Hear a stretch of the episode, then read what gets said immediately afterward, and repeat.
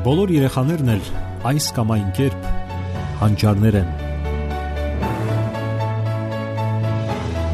Խնդիրն այն է,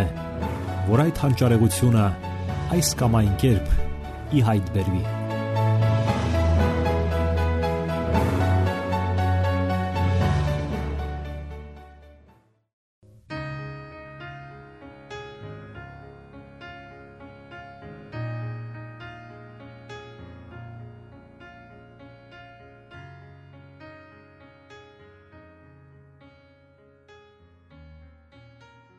Բարև ձեզ սիրելի ռադիո լսողներ։ Եթերում դասերակցություն հաղորդաշարն է։ Երեխային ատամնաբուժի մոտ տանող ծնողները հաճախ այսպես են արթարանում. Չեմ հասկանում, թե ինչու են փչանում երեխայի ատամները, չէ՞ որ ես նրա համար ամենաթանկ խոզանակներն ու մածուկներն եմ գնում։ Իսկ միգուցե դա ժառանգական է։ Իմ ատամներն էլ են վաղ փչացել։ Ինչ պետք է անեն մայրիկներն ու հայրիկները, տատիկներն ու պապիկները, որpիսի իրենց սիրասուն բալիկների ատամները երկար պահպանվեն։ Առաջինը, ինչ անհրաժեշտ է անել, դա երեխայի ատամների առողջության մեջ իրենց պատասխանատվության աստիճանը որոշելն է։ Երեխայի ատամների առողջությունը սկսվում է դեռ նախքան երեխայի ծնվելը։ Այն առաջին հերթին կախված է նրանից, թե ինչ կենսակերպ է վարում ապագա մայրը եւ ինչով է սնվում։ Այդ ժամանակաշրջանում է դրվում երեխայի բոլոր 20 կաթնատամների պսակների հիմքը եւ հանքանյութերով հարստացումը։ Հանքանյութերը՝ կալցիումը, ֆոսֆորը եւ այլն կազմում են ատամի ամուր հյուսվածքների առաջին հերթին էմալի հիմքը։ Հղիության վերջում սկսվում է առաջին հիմնական ատամների բսակների հանքանյութերով հարստացումը։ Եթե մինչև հղիությունը կնոջ սննդակարգը աղքատ է եղել հանքանյութերով եւ վիտամիններով եւ նրա օրգանիզմում չեն ձևավորվել հանքանյութերի pašարներ, ապա պտուղը սկսում է վերցնել դրանք մայրական ոսկորներից եւ ատամներից։ Սակայն նկատենք, որ երբեմն դա բավական չի լինում ապագա երեխայի համար։ Այդ պատճառով էլ մինչև հղիությունը եւ այդ ընթացքում էլ կինը պետք է սնվի լիարժեք ձևով եւ խուսափի այն ամենից, ինչ անկարևոր է եւ վնասակար։ Հղիության շրջանում տարբեր խախտումները, վաղ եւ ուշ տոքսիկոզները եւ այլն կարող են ազդել ձևավորվող կաթնատամների վրա, որոնք ընկալ են դառնում կարիեսի հանդեպ եւ արդեն ծնվելուց հետո նրանց մոտ սկսում է զարգանալ կաթնատամների կարիես։ Հղի կանայք կարող են չիմանալ, թե ինչքանով է իրենց սնունդը ազդում պտղի ձևավորվող ատամների վրա։ Երբ կինը ուտում է, ուտում է նաեւ երեխան Հղիության ժամանակ վաղ սնունդը կարող է ազդել երեխայի հետագա առողջության վրա, նպաստելով կարիեսի զարգացման վրա։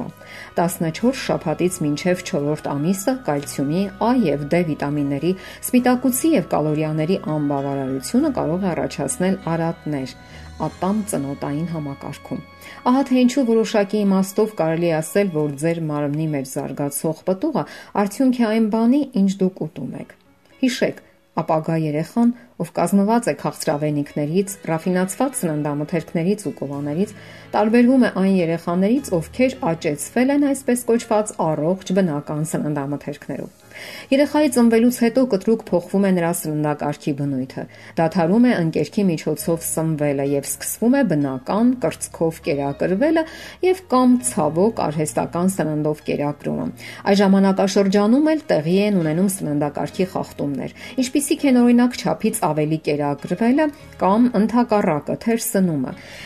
գիշերները հաճախակի կերակրվելը, ոչ ռացիոնալ սնունդը եւ այլն, որոնք ոչ հազվադեպ հանգեցնում հանգեցնում են դեպրեսիաների կամ այլ կերպ ասած մարսողության եւ ներծծման խախտումների, որոնք ուղեկցվում են փսխոցով եւ լուծով։ Նման դեպքերում երեխայի օրգանիզմից հեռանում են հեղուկը եւ նրա հետ միասին հիմնական հանքային աղերը։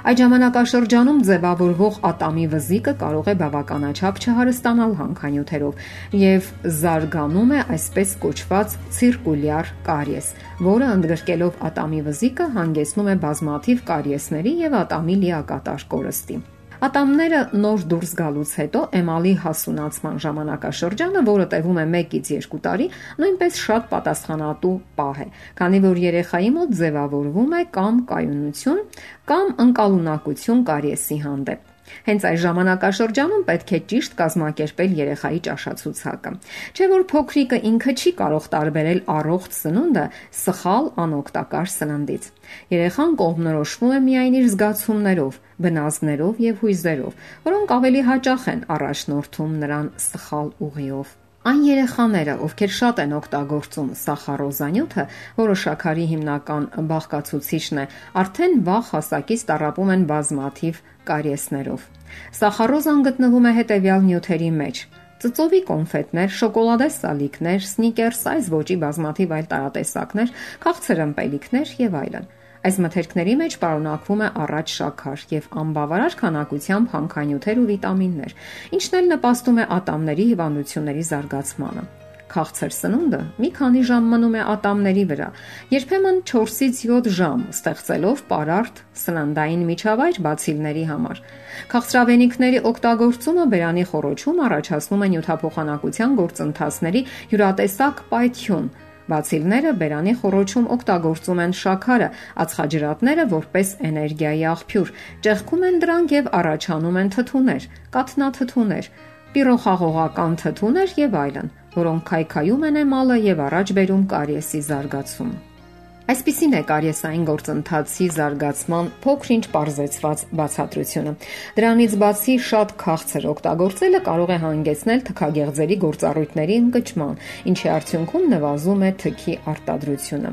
Հաշվի առեք այս բացատրությունները, խորհրդակցեք ատամնաբույժի հետ։ Մի անտեսեք մասնագետների խորհուրդները, հետևեք դրանց։ Դուք շատ բան կարող եք անել փոքրիկ մարդու առողջության համար Չէ որ նա այնքան փոքրիկ է եւ անպաշտպան, ունի համապատասխան գիտելիքներ եւ վերջապես մեծապես կախված է մեծահասակների պատասխանատվությունից եւ խելամիտ մտածումներից։ Եղեք ձեր զավակների լավագույն խորհրդատուն, պաշտպանեք նրանց փխրուն առողջությունը։ Դա ձեր առաքելությունն է եւ կանչվածությունը։ Սիրելի ռադիոլսողներ, եթերում դասերակցություն հաղորդաշարներ։ Ձեզ հետ է Գեղեցիկ Մարտիրոսյանը։ Ձեզ ուզող հարցերի համար կարող եք զանգահարել 093 00 63 27 կամ 094 93 55 77 հեռախոսահամարներով։